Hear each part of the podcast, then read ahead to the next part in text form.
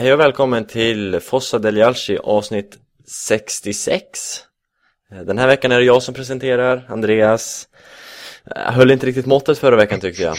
Eh, Dessvärre. Så jag tar över igen. Men du är med mig ändå Andreas, som i din vanliga roll. Yes. Där du ska vara kanske. Jo men det känns lite så. Ja. Eh, Vi har med oss en gäst idag, som vanligt. Eh, Han har varit med förut och han är väl Sveriges kunnigaste Udinese-supporter måste vi väl ändå säga. Eh, det tar du i tror jag, men det känns bra att höra. Nej, jag tycker inte jag tar i alls. Eh, Gustav Östergren, välkommen. Man tackar, man tackar. Hur är läget med dig? Förutom Udineses sportsliga kräftgång så känns det väl helt okej faktiskt. Det måste jag säga. Eh, av alla ställen i världen man kan bo på så har du valt att bosätta dig i Litauen. Ja, det stämmer bra det faktiskt. Det är ett tag till. Ja. Vi får se hur länge man står ut. Det är intressant. Vad kommer det sig? Eh, jag har ett jobb här faktiskt. Ja.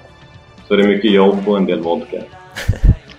det är helt rätt. Helt rätt. Dagens avsnitt, vi kommer ju såklart, med tanke på gästen, prata om helgens match. Men vi har också debaclet mot Juventus. Och så nära en liten match på tisdag vi tänkte snacka upp. Eftersom vi inte hinner det i någon annat avsnitt helt enkelt. Atletico Madrid möter vi då i rätt avgörande match. Så det blir de tre matcherna vi fokuserar på, sen får vi se var det snacket leder någonstans helt enkelt. Men det blir de tre utgångspunkterna. Så vi bara kör på.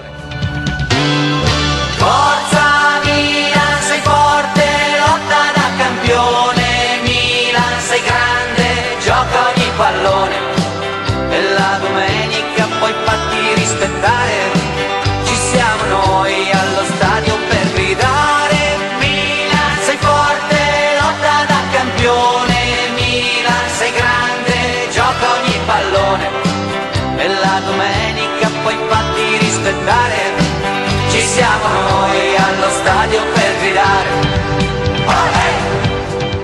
Vi börjar med Juventus tänkte jag. Och du Gustav sa innan vi spelade in att du inte såg hela matchen mot Juventus. Nej, jag missade en hel del faktiskt. Mm. Så det blir Andreas som får sköta tugget. Exakt, därför, ja Andreas Vi bollar över till dig. 0-2 mot Juventus. Eh, Och det var en rätt bra match från Milan, förutom att målet aldrig kom. Eh, vad tycker du, vad var dina spontana tankar när matchen blåstes av? Det är väl att man är inte är lika besviken som man var eh, när man förlorade under Allegri för att det ser bättre ut. Eh, sen så kan man ju alltid säga att eh, ser det på ett gynnsammare läge nu i och med att vi behöver faktiskt inte de här eller vi är inte i ett brinnande behov av tre poäng för vi kommer ändå inte nå Champions League. Men det, känslan blir ändå att fan vi spelade bra och då är man inte så himla besviken. Eller jag var i alla fall inte så himla besviken av resultatet. Tittar man på andra siffror i matchen så är det liksom eh, skott på mål 9-5 till Milan, skott utanför 9-5 till Milan, eh, farliga målchanser 7-4 till Milan, hörnor 7-1 till Milan. Det är många, alltså matchbilden såg lite annorlunda ut än, eh, än eh, just resultatet på, på äh, av målen då. Mm. Men det är ju väldigt tydligt att när Juventus kommer till lägena så är de vassare. Alltså båda målen är ju fruktansvärt bra prestationer. Vi har eh, Lichtsteiner som precis hinner upp målen och ändå måttar en perfekt eh, boll eh, som ändå tar sig förbi de här fyra, fem Milan-spelarna som står och, och um, samtidigt som, uh, som uh, ja, det är en väldigt bra prestation rakt igenom av alla inblandade. Att, att uh, ta med sig försvaren i löpningen och sen så backa upp för att kunna göra mål. Det, det är väldigt fint att se då. och TVs skott sen är inte heller så mycket att säga om det. Fruktansvärt bra prestation. Medan Milan skapar många lägen, men det blir inte... Det är vassa lägen, men det blir aldrig mål. Kaká i första, eh, har en och två lägen, skjuter på rakt på målvakt, skjuter rakt på Bonucci var det som stod på linjen va? Mm. Eh, hans form från, från när han kom, i början av säsongen, eh, hans första matcher där, den, har, den är bortblåst. Han bränner allt. Han är jättelänge sedan han gjorde mål nu. Mm. Han är ju en bra avslutare. Vad, Vad har hänt? Tror du? Mm. Alltså, ja, kan man fråga sig. Jag tänker att just det här skottet på Bonucci så är det lite, visst, det är mycket kritik så att han inte, han borde lagt den högre, men samtidigt är det en jävla räddning av Bonucci om man kollar på prisen. Det är inte, det är inte självklart att man tar det bara för att man står där. Eller. Så jag tycker inte att det är katastrofalt att avsluta lågt där. Um, men visst, han har bränt. Uh, Han ska ju göra mål, han ska ju göra mål på den Det ska han dubbelpassen. Men Bonucci ska inte rädda den. Så-. Så det är lite så tycker jag, men, eh, men absolut. Det är ju många, det radas upp ett par lägen nu som borde varit mål. Eh, Det är bra skott, men det borde varit mål. Mm. Både mot Juventus och Atletico. Borde Pauli klippa bort sin lugg så att han ser bollen lite bättre så han kan göra mål också? För han, Pauli var ju bra matchen rakt igenom förutom när han ska avsluta. Det var ju Mm. samma sak mot Atletico. Han hittar inte målet. Eh, Men han, han är bra annars i den positionen, i den rollen. Men Mm. han, han bränner väl två, tre bra lägen i matchen. Det är så frustrerande. Eh, Och det är sådär med håret var väl någonting jag skrev på Twitter i paus här för mig. Ja, det är en märklig frilla han kör. Inte, kan inte av sänka hans prestationer liksom och hålla på med luggen hela tiden. Det är ju, Men- håret dinglar ju i ögonen alltså. Det, det gör Helt verkligen det. Och det är så svettigt alltid, eller blött eller vad det är.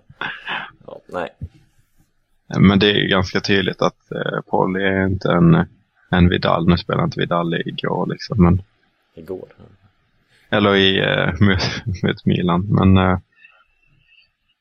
men det, det, Paul är ju en fin spelare. Men det är ju ingen, det ingen toppspelare liksom, som sätter lägena alltid. Och då får man väl eh, räkna med detta någonstans. Men men vad tycker du om hans, den positionen han har? Trekvartista vill man ju inte kalla honom. Eh, Och det kanske man inte ska kalla honom efter den här offside-podcasten som har kommit ut.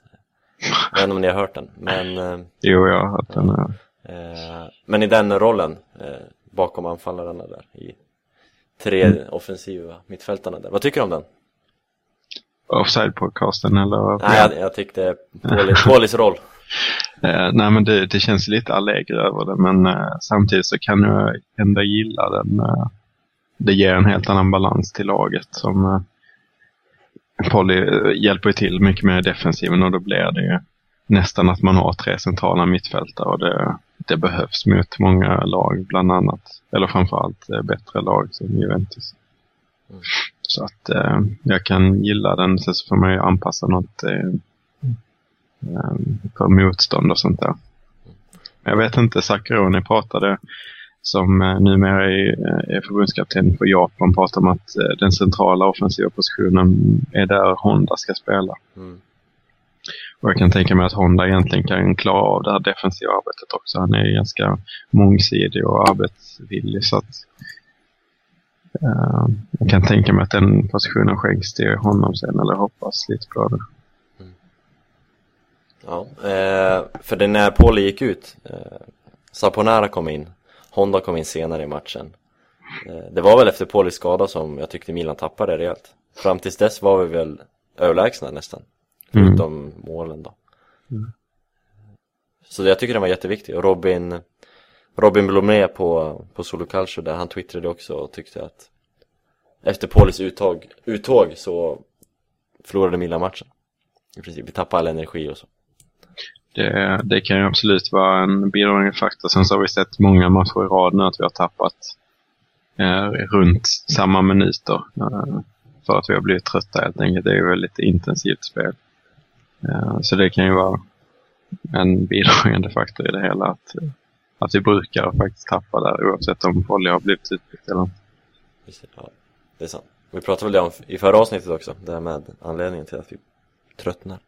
Mm. Eh, Så det kan ni gå tillbaka och lyssna på om ni vill höra det, avsnitt 65. Gustav, ska vi bjuda in dig i matchen? Absolut. Även om du inte såg matchen, eh, så eh, 0-2 på till Juventus. Var det något du väntade dig eller? Vad tyckte du? Det kändes som att om man jämför båda lagen så är ju Juventus mycket mer väloljade. Det syns ganska tydligt skulle jag vilja säga. Alla är mer samspelta och när det gäller Milan så känns det som att de svajar både till höger och vänster. De vet inte riktigt vart de vill. Det jag var väldigt positiv eh, positivt överraskad över i den här matchen var just hur, hur väloljat det ser ut faktiskt. Eh, I eh, omställningarna i, eh, i kontringsspelet. Alltså det hoppar, det var snabba passningar, snabba beslut som ofta blev väldigt rätt. Inte alltid de väntade besluten men de blev ofta väldigt bra. Det var hoppades över bollar och alla hade koll på var medspelarna befann sig. Eh, det tyckte jag såg jättebra ut faktiskt. Eh, speciellt om man har i åtanke att det faktiskt bara är några få matcher som Cederfors eh, har tränat det här laget. Och det är ändå en rätt så stor skillnad att spela med två centrala mittfältare jämfört, jämfört med tre. Eh, Men känns det inte som att eh, Tarap är en starkt bidragande orsak till det? Han ser ju helt rätt ut i Milan skulle jag säga. Mm. Mm. Vi har varit inne på det tidigare och även om Andreas fortfarande inte vill säga hans namn på grund av, inte på grund av hans spel, eh, speltekniska kvaliteter utan för hans tidigare uttalanden om Milan så har Ja. vi både jag och Andreas fått kliva ner och jag känner att Tarapt var, var och är en jättebidragande faktor till att Milan har höjt sig den här senaste tiden och han är ju kanske överlägset bäst just nu i vårt lag. Mm. Fick ju också bärkaptensbindeln för sitt Marocko under gårdagen i onsdags. Bara en sån sak. Eh, Han som Mm. lagkapten. Men även om man liksom har plockat in honom så är det ju ändå inte givet att han ska funka och hoppa över bollar och veta var motspelare finns och hitta dem i alla lägen. Liksom. Så att, eh, är det känns väldigt, väldigt positivt faktiskt att det går så pass snabbt ändå. Eh, och jag vet inte om vi pratade om det här förra avsnittet men eh, eh, att eh, folk kritiserar eller pratar om detta Cedorfs Milan som någonting som det vi ser nu är liksom en temporär effekt. Det är en, eh, en energi som kommer tillbaks. Det är liksom ingen direkt förbättring. Men eh, jag förväntar mig verkligen en förbättring i och med att det är en så här stor förändring i, i formationen. Det är mycket nytt som ska in. Ett helt annat spel eh, där man ska dominera matcher snarare än att utnyttja motståndarnas svagheter. Att eh, det kommer nog bara bli bättre. Jag kan inte tänka mig annat än det bara blir bättre med tiden. Så att, eh, ja, jag är väldigt positiv inför det. Men eh, var det en slump att det såg så bra ut just nu när Balotelli var borta? Ja, det är en bra fråga. Mycket bra fråga. Eh, Pazzini var ju riktigt bra tycker jag personligen. Mm. Eh, Fast det kanske var, skulle vara han som fick avslutslägena istället för Pauli och Kaká. Då hade vi kanske matchen sett annorlunda ut. Men jag vet inte, vad tycker du Andreas? Du är expert. ja, men Pa- är ju en bra spelare, det är inget snack om det. Och det blir ett annat lagspel om man eh, drar till den i modern tid klassiska matchen mot Barcelona när vi vann med 2-0 så var det också Pazzini som stod längst fram och det blev ju en laginsats på ett annat sätt än Balotelli naturligtvis. Så jag tycka att vi spelar väldigt bra mot Atletico också men inte riktigt lika väloljat om man använder det uttrycket igen. Eh, och då spelar ju Balotelli så att men, eh, men absolut, jag funderar i samma banor som, eh, som Gustav. Det blir intressant att se om man får spela, eller om man får, men om man hinner återhämta sig för sin axelskada till, Mm. eh, till lördagens match mot ditt Udinese. Det skulle inte förvåna mig om jag gör hattrick i sådana fall. Ja, det finns ju Man vet ju inte med den Balotelli En Balotelli vi kommer tillbaka och prata mer om Nästa del tänkte jag, för han har ju twittrat lite och hållit på Så, Men, eh, något mer om Juventus? Vill du säga något mer Andreas? Vad tycker du? Vi gör kanske vår bästa match för säsongen men förlorar ändå Och det är mot en av våra värsta rivaler och du är ändå nöjd Vad säger det om Milan 2014? Nej, men det, det är ju som sagt en, en konsekvens också av eh, att eh, vi inte, alltså tre poäng hade inte haft någon betydelse. Mm. I mer eller mindre. För att vi är redan avhängda och eh, Juventus är ändå så pass starka och vi har sett så svaga ut. Så, ja. Ehm, Ja, visst kan det, ja. Det är kanske sjukt men, men så är det. Milan, Milan corre va, più nessuno mi fermerà. Milan, Milan, mondo intero può conquistar. Så, vi har ju inte en gäst för att han ska sitta tyst direkt Så Juventus-delen avklarad. Nu snackar vi framtid och inte ältar oss i gamla förluster. Eh, lördag är det dags för match igen mot ditt Udinese, Gustav. Eh, ett lag som inte går allt för bra i dagsläget. Kan du förklara vad som händer för den som inte kollar på laget vecka ut och vecka in? Det är ganska svårt att hitta en enskild orsak skulle jag vilja säga. Men eh, det mesta går väl tillbaka till Gudolin och hans brist på energi. Faktiskt. Det måste jag säga. Varningsklockorna började väl ringa redan i somras skulle jag säga när eh, han bad om två veckors extra semester. Därmed kom för sent i Retiro. Vilket ledde till att vi åkte ut Europa League-kvalet och så vidare. Sen har det blivit en negativ spiral på det. Ingen spelare har väl egentligen lyft sig som de brukar göra varje säsong. Är ni i dagsläget på en så kallad retiro eller en, ja, vad ska man kalla det, träningsläger, eh, straffläger för Udinese, eller för Offside-podcastens lyssnare? Eh, Eller en eh, lyxsemester på fyrstjärnig Då får man väl se det. Det kanske är så det är, du får utveckla.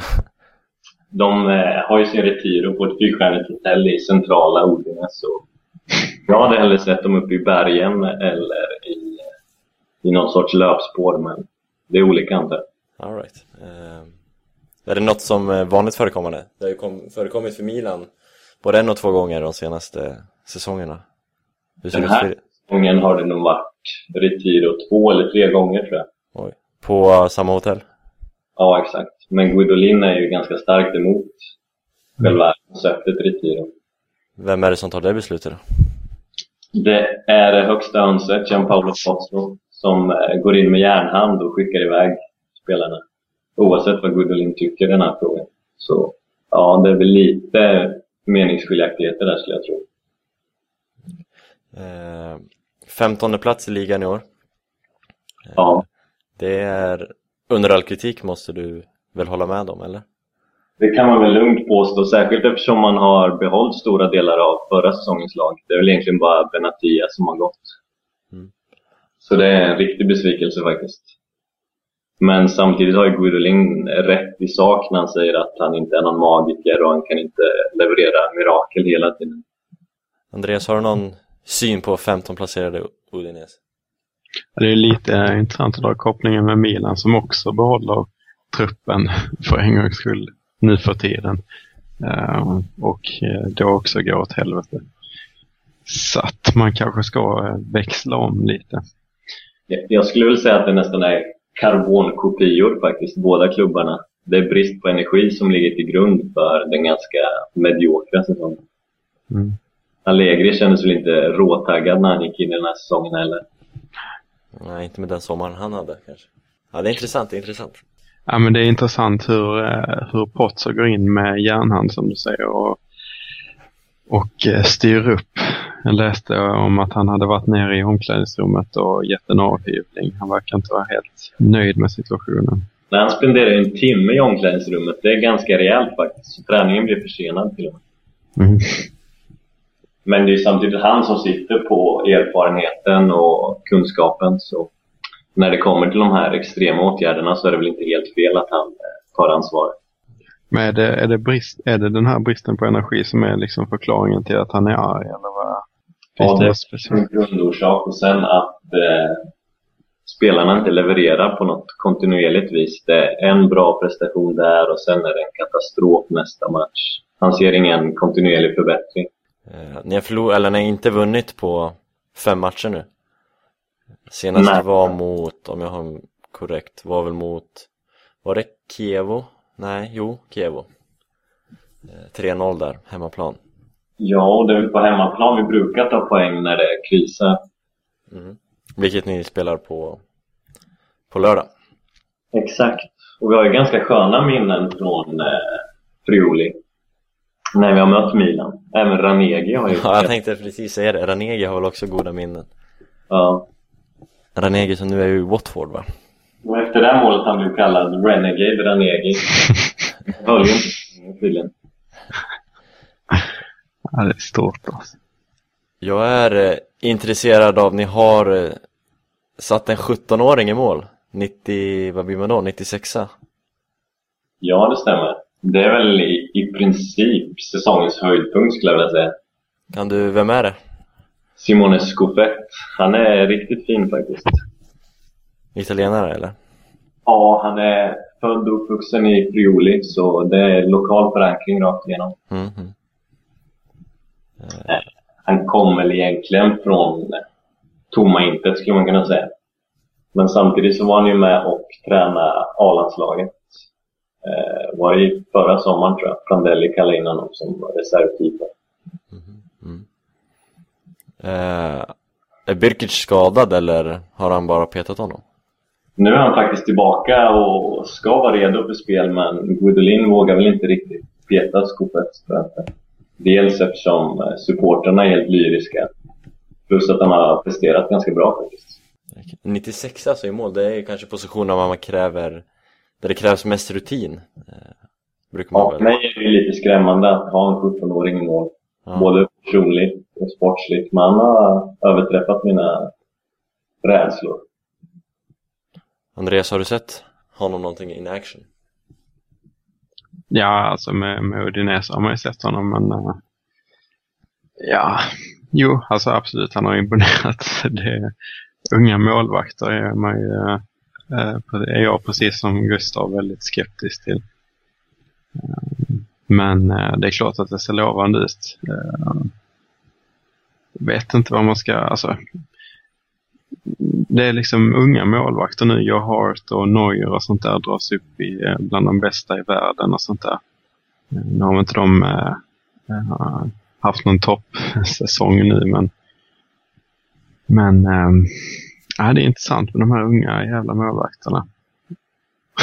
Sen så är det lite intressant den här äh, hypen som har uppstått kring honom bara för att han inte har ett namn som slutar på, vad är det, EI? Som alla andra italienska målvakter. Utom Buffon då. Eh, inte slutar på vokal är det kanske. Men det som är ganska imponerande med Skofett är att han är helt orädd när det gäller att rusa ut och boxa bollarna. Det ser livsfarligt ut ibland faktiskt. Mm. Det kanske kommer med åldern, jag vet inte. Det är ju raka motsatsen mot Abiati. Verkligen. Bara, bara kolla på Abiati, och sen har du ju beviset tänkte jag säga nästan. Ja, precis. Eh, Som väl är på andra sidan eh, karriären också andra sidan på, eh, på nivån av mod där i utrusningarna.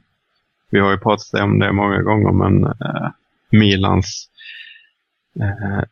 extremt dåliga facit på fasta situationer eh, vill vi ju spåra väldigt mycket till att Abiati hela tiden står på linjen i princip alla situationer. Och eh, det blev ju lite av en ögon, ögonöppnare när man fick se en annan målvakt i Gabriel som eh, också är ung ju, som bara hoppar och dansar och eh, boxar bort bollarna. Eh, helt orätt liksom. Han skadade väl sig lite då och då men eh, ja, det, det är en väldigt viktig egenskap eh, om man jämför med, med Abiati. Men som supporter vill man ha en medelväg, tror jag. Annars så sitter hjärtat i halsgropen hela tiden. Så därför landar vi i Amelia, är den optimala målvakten. Yes, där sa du eh, eller inte. Men eh, lagmässigt, har ni några tunga skador på nyckelspelare till lördag? Det är en bra fråga faktiskt. Det är ju landslagsuppehåll nu, så det är många som är iväg. Det är väl bara 12 spelare som är på den här. All right. Eh, Men det är väl i princip fullt lag. Anfallsparet är väl kanske det som, eller ja, det som kanske på pappret ska vara ordinarie i alla fall. Di Natale och Muriel. Eh, ja, det har ju inte hänt så mycket grejer däremellan faktiskt. Moriel är nog säsongens flopp skulle jag vilja säga hittills. Mm. Han har ju inte levt upp till förra årets slut på säsongen. Fyra baljor på 16 matcher. För den Ja. upp, uppskrivna anfallaren. Exakt, det håller inte riktigt. Jag vet inte vart det felar. Jag tycker han saknar rätt spelförståelse till att börja med. Det är väldigt enkelspårigt när han ska spela med Di Natale faktiskt. Och då slutar det i att ingen av dem gör mål, vilket såklart inte är bra. Och sen har han ju en personlighet som känns allt annat än professionell måste jag säga. Dels är han lite överviktig. Men sen är det annat trubbel också. Som till exempel. Eller ja, det är väl kopplat till, eh, till maten. Serse Cosmi gick ut och sa att han eh, eh, kom på Moriel när han satt och smygåt efter en träning på parkering. Eh, Så det är på den nivån det ligger. Ja, det är ju sjukt alltså. Men man har ju historien när man eh, kommer tillbaks från eh, korta uppehåll med att dra på sig helt osannolika kilon faktiskt. Får se, är han med landslaget nu eller? Ja, han satt på bänken tror jag han gjorde. Får se om han kommer tre kilo tyngre nu tillbaks. Ja, det ger ju mig mardrömmar faktiskt. Men Di Natale, eh, vill jag prata Eller han eh, är ju alltid er nummer ett. Men har ju inte riktigt levererat som tidigare säsonger. Nej, nu har han väl börjat trumma igång så smått i alla fall. Det dröjde ett tag. Är det åldern som är problemet eller en naturlig alltså nedgång eller vad tycker du? Det är väl att hela laget inte presterar som de ska skulle jag säga. Vi har inte hittat någon eh, passande parhäst till honom utan eh, Di Natale får dels olika anfallspartners men han får även jobba mycket själv och det passar inte honom i den här åldern. Nej. Så det hade varit fint att hitta en ideal partner till honom på slutet här av säsongen men det verkar inte som det. Senast, Ja. vi, möt, senast vi möttes i, eh, i kuppen så lyckades ni på något mirakulöst sätt vinna den där historiens tråkigaste match på San Siro. Det är väl i princip det enda man kommer ta med sig från den här säsongen tror jag. Och skuffetten. Mm. Då var ju Nico Lopez hoppa in Mm. och var han var väl den enda som var bra i den matchen vill jag minnas. Ja, men han får inte spela. Det är väldigt märkligt. Jag förstår inte riktigt Guidolins tanke där bakom. Han känns ju lite hetare än Muriel i dagsläget. Exakt så. Men nu spelar de ju mest eh, Di Natale och Bruno Fernandes som i och för sig har varit bra, men ingen anfallstyp direkt. Ja, nej det är stökigt. Stökigt lag i år. Eh, Ja. Det är mycket lösa trådar. sitter och kollar på truppen och kom ihåg att senast du var med så i podcasten då så hyllar du Allan. Ja. Han har väl inte heller haft någon jättesäsong, men han är fortfarande en vass spelare måste jag säga. Är han nästa spelare ni exporterar till något större storlag i Italien tror du? Mycket bra fråga. Det finns ganska många alternativ till den posten. Thomas Hortaux i försvaret är väl ganska många klubbar och rycker i faktiskt. Fransmannen. Ja, exakt. Och Benatias bästa polare i princip. Kan han bara slipa till sin aggressivitet så kan han nog nå Benatias nivå faktiskt. Ska vi hugga Andreas? Ja, varför Vi inte? behöver en mittback.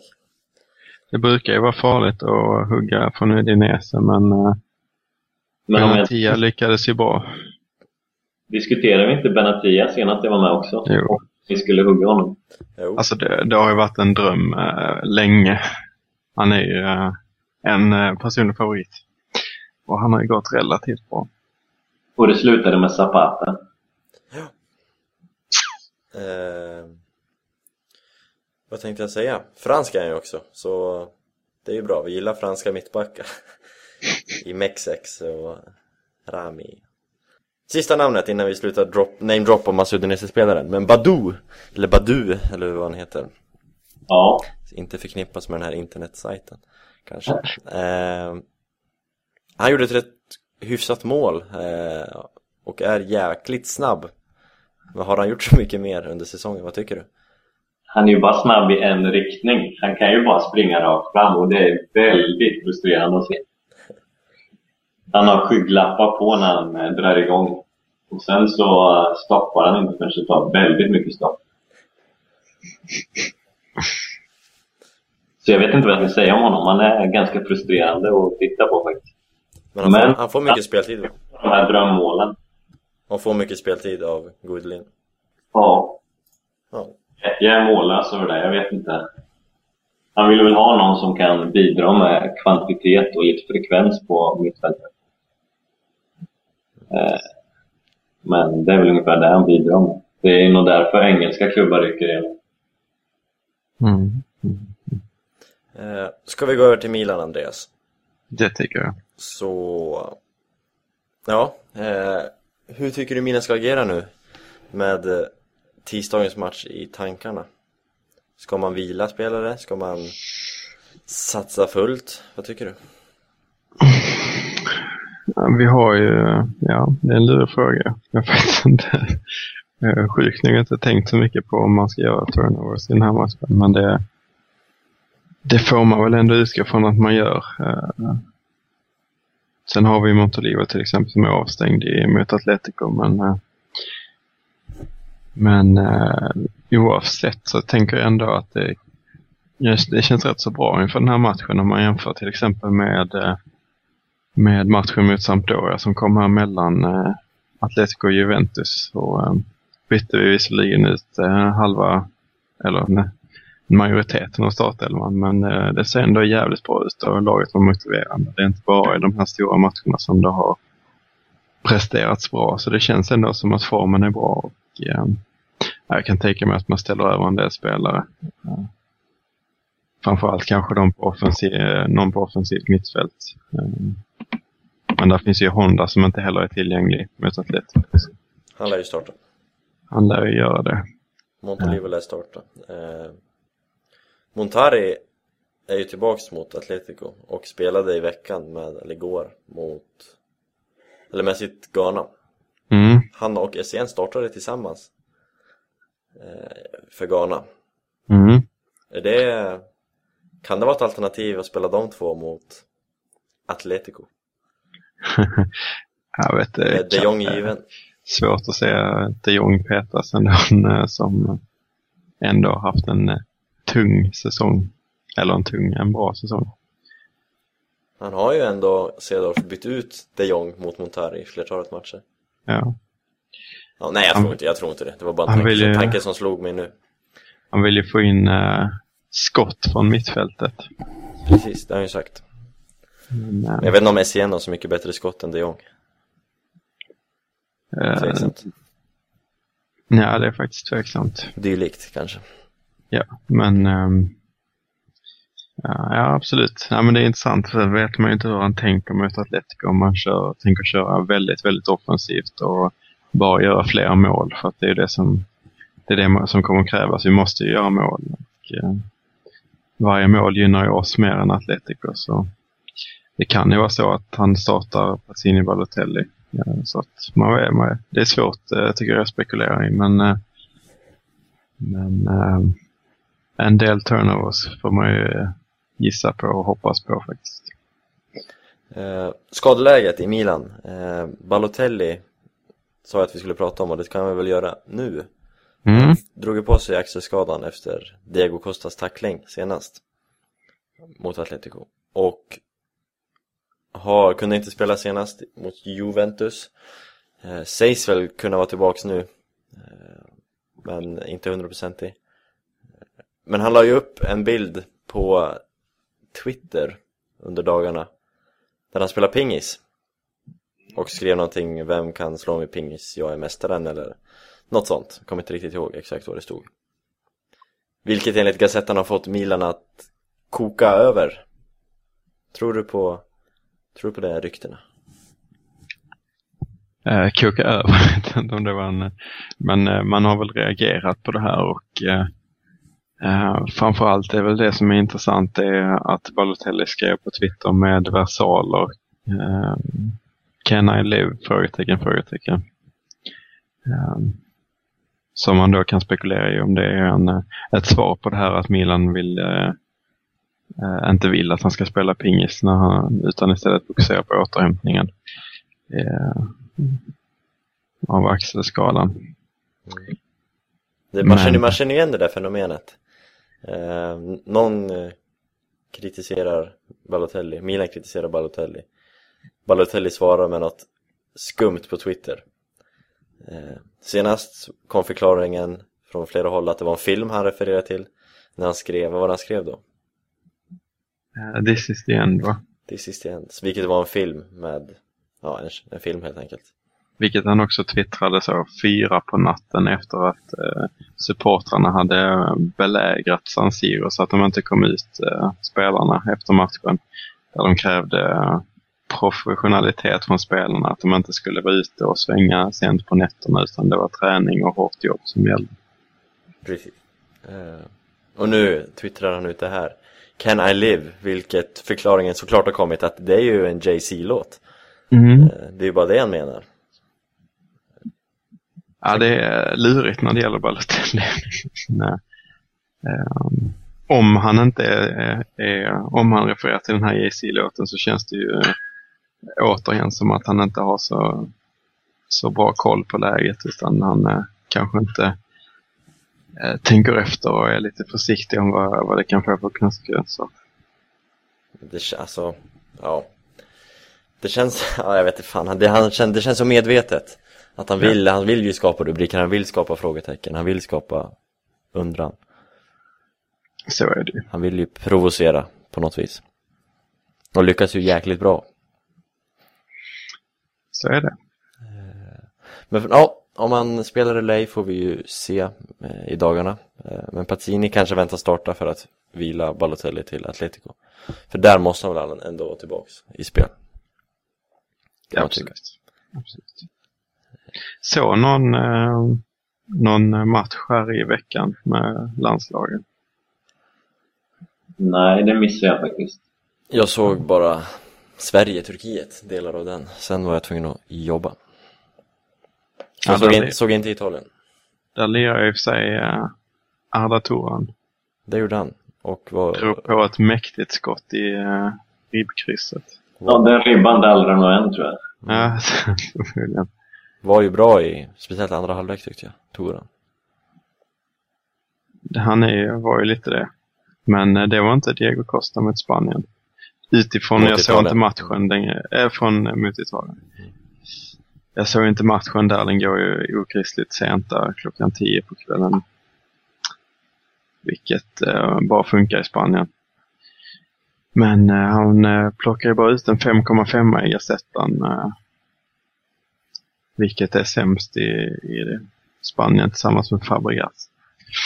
De flesta ligger rätt så bra i, eh, i betyg, nämligen eh, över sju av de flesta. Så att eh, då är det ett underbetyg på Diego. Frågan är ju hur bra Diego Costa är i träningsmatcher. Det känns som han är en spelare Ja. som blir som svinigast när det gäller mest. Det är en eh, det är bra poäng, helt klart. Och han mötte ju ändå den store och fule Paletta som gjorde landslagsdebut och var jättebra. Ja. Fantastisk back. Mm. Det har vi också en kille som vi skulle kunna värva om vi ska prata om det. Paletta fortsätter imponera. Och gjorde jag som sagt debut igår i, i landslaget. Till vår kära vän Gihans glädje. Mm. Ja, det är en eh, fin spelare. Inte utseendemässigt kanske och framförallt inte frillan men, eh, men eh, fan vad bra han är. Milan, Milan corre va, più nessuno ti fermerà. Milan, Milan, mondo intero può conquistar. Såg du förra mötet? Gustav? Eh, Ja, en hel del. Och så såg jag Madrid-derbyt här också. Ja, det gör det jag också. Det var en rejäl match måste jag säga. Mm. Det var... Ja, man hängde knappt med i svängarna. Men det är bra, vi kör direkt på det. Det spelas in. Eh, Madrid-derbyt. Andreas Gustav, ni såg matchen. Jag såg inte matchen, men den slutade väl 2-2. Vad, eh, vad drar ni för slutsatser av Atletico mot det motståndet efter den matchen? Mm, ja, starkt ändå att komma tillbaks efter att eh, hamna i underläge i matchens första minuter. Sen är det ju, jag är väl inte lika ens, ense om eh, det här skottet han eh, får till från halva plan där. Alltså den, eh, är det inte en målvaktstabbe alltså? Gal, Gal var det som drog till. Ja, så det. Men man måste ändå bli imponerad över Atletico. Och att de står upp så bra mot en klubb som Real. Jag vet inte hur många miljarder de har investerat i det laget, men Atletico gör det riktigt bra. faktiskt. Och ett Real som kommer med riktigt, riktigt bra form får man ju säga. Som eh, bara växer och växer och nu är de eh, eh, leder de La Liga och, och eh, ser bara mycket starkare ut i, i, för eh, Champions League och allting. Eh, så att det får man ju verkligen ha stor respekt för, Ancelottis och hans eh, grabbar. Men flyttar man inte på hur lätt som helst liksom. Och Reals 2-2 mål kom ju från en ganska rejäl tabbe av han Suarez som inte hade den bästa touchen på bollen. Och ja, och så går det att argumentera för att Atletico skulle ha både en och två straffar. Så att eh, vi spelade dem bra. det, det gjorde de. Hur eh, orolig är du inför tisdagens match? Med den, med den matchen i, i baktankarna? Eh, Alltså, det beror på, ska man vara orolig, liksom det beror på någonstans var man sätter förväntningarna. Ja. Det är ju inte som att Milan är favorit på att gå vidare längre. Eller det har man, var man inte innan mötet heller. Men, Um, vad är det? Om, om eh, bortalaget vinner med 1-0 första mötet så uh, har, um, har det andra laget en eh, uh, 10-11 procent, chans att gå vidare. Och det känns väl rimligt i det här mötet också. Milan såg ändå bra ut och uh, spelade betydligt bättre än Atletico gjorde på San Siro. Så jag är väl inte helt uppgiven men uh, det ska, det ska till något extra. Vad tror du Gustav? Om du, som du som inte ser på matchen med, med hjärtat lika mycket? Jag håller med Andreas till stor del. Det ska väldigt mycket till om eh, Milan ska gå vidare på den här mötet. Vad tyckte du om, eh, om första mötet, lagen emellan? Det var ganska symptomatiskt för Milans säsong att inte få in det där målet som verkligen behövdes. Trots att man spelade bra. Eh, ja, jag vet inte vad det beror på riktigt. Vi saknar Inzaghi, Ja, det är väl det. eller är Di Natale kanske? Det har också varit eh, ganska värt tror jag. Ja, vi saknar mycket där alltså. Dida, Nesta, Maldini, Gattuso, Pirlo, Cedor, Inzaghi. Kaká? Nej, han hade... Ja.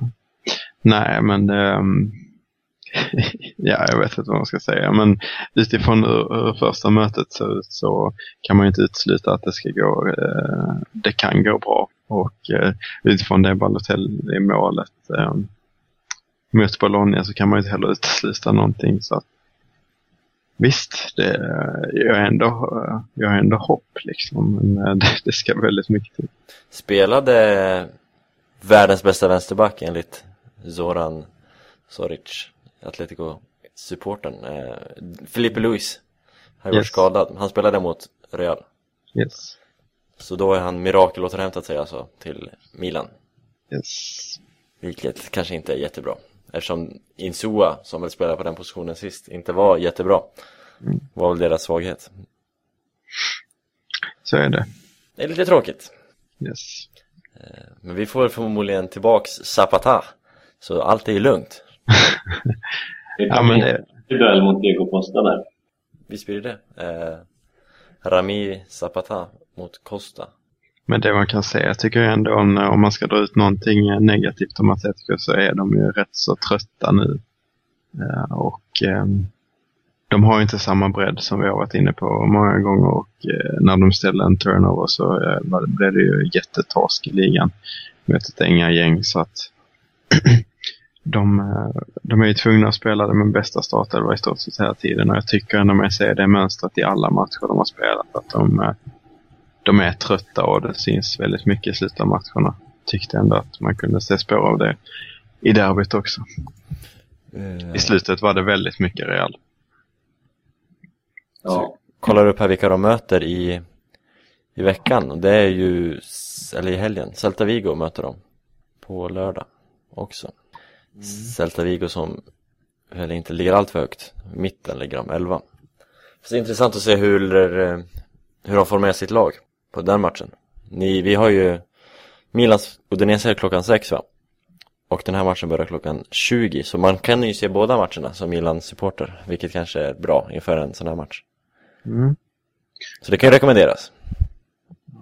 De har ju också ett gäng. Vi har både varit inne och, och petat lite på Arda Turan och Diego Costa. Det är ju, eh, de här spelarna har ju inte fått vila. De har ju kört det här dubbelmötet mot Real eh, i veckorna. Eh, mellan ligaomgångarna och sen så kommer landslagsuppehåll där många spelare går.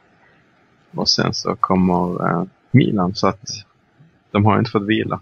Så som Kåke spelade väl för Spanien mot Italien, vill jag se att han var med i startelvan. För Spanien. Inte I alla fall på den preliminära var han med. Jag vet, kommer inte ihåg om han startade. Men ja, han var med i truppen i alla fall och han, ja, ja okej, ja, ta tillbaka det. Men i alla fall, de har fler nyckelspelare som har spelat i landslag om vi säger så. Mm. Så de, ja vi får se. Dock tror jag att de mycket väl kan leva på någon entusiasm eh, i en sån här match och kanske blir ett jättefiasko i kommande ligamatch. Eller något sånt. Men, ja, vi får se, vi får se. Eh, Det är en bit kvar.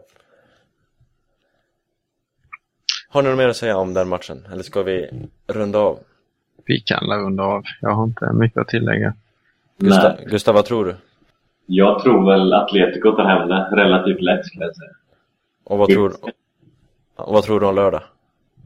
Eh, det blir Udinese-torsk, det är ganska garanterat. Vi har ingen Renegade Ranegi den här gången. Bra! Andreas, du får inte säga. För du har en tendens att jinxa det här. Med dina uttalanden. Så eh, med det så får vi tacka Gustav för medverkan. Tack själva och lycka till på lördag. Tack detsamma du. Eh, vi hörs om en vecka, jag och Andreas. Och förmodligen du som lyssnar också. Eh, Då kan vi kanske vara lite dystra efter att ha spelat vår sista Champions League-match på år och dagar känns det som. Eller så är vi jätteglada. Det Och då är vi glada. Då är vi glada, kan vi lova. Då blir det historiens bästa avsnitt. Och Andreas som inleder. Om vi vinner. Ja, det, det kan vi ju köra. Fint. Eh, tack för att du har lyssnat. Vi hörs. Hej då. Adjöken, ciao. Tja!